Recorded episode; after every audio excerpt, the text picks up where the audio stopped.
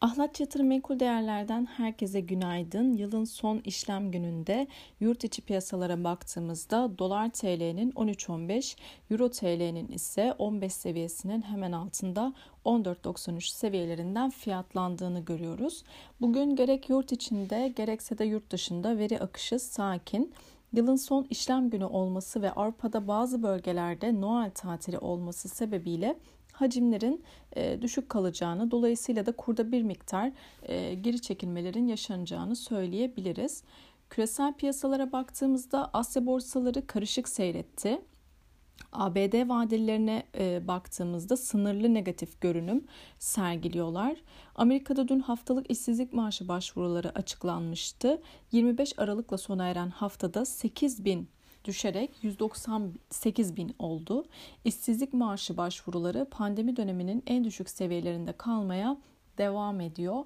Yurt içi gelişmelere baktığımızda dün tüketici güven endeksi verisi açıklandı. Ekonomik güven endeksi Aralık ayında 97,6 e, değerini alarak 7 ayın en düşük seviyelerine e, geriledi.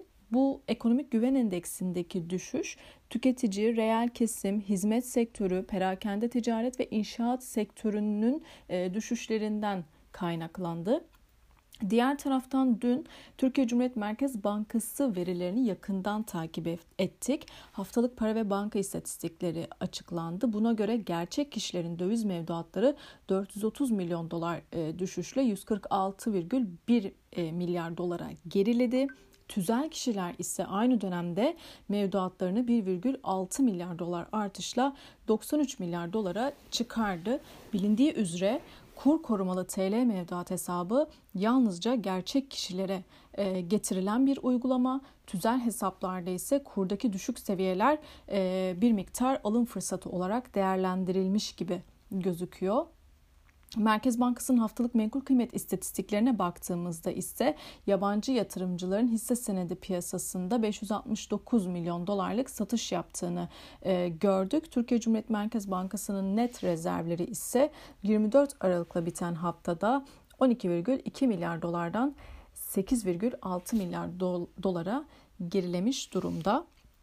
Brent petrole baktığımız zaman 80 dolar seviyesinin altından işlem görüyor. Burada 80 dolar direncini aşması önemli. 4 Ocak'ta OPEC ülkeleriyle bir toplantı daha yayınlanacak. Ons altına baktığımda dünkü açıklanan işsizlik maaşı başvurularının gerilemesi ile birlikte bir miktar toparlandığını görüyorum. Aynı aynı şekilde ABD 10 yıllıkları da gerilemiş durumda. Dolar endeksi de 96 seviyelerinde yatay seyrediyor. Dolayısıyla altında 1820-25 e, aralığı yine yükselişler için önemli olacak. Aşağıda 1800 dolar psikolojik e, seviyesini korumaya devam ediyor diyelim. Herkese bol kazançlı güzel bir gün dilerim.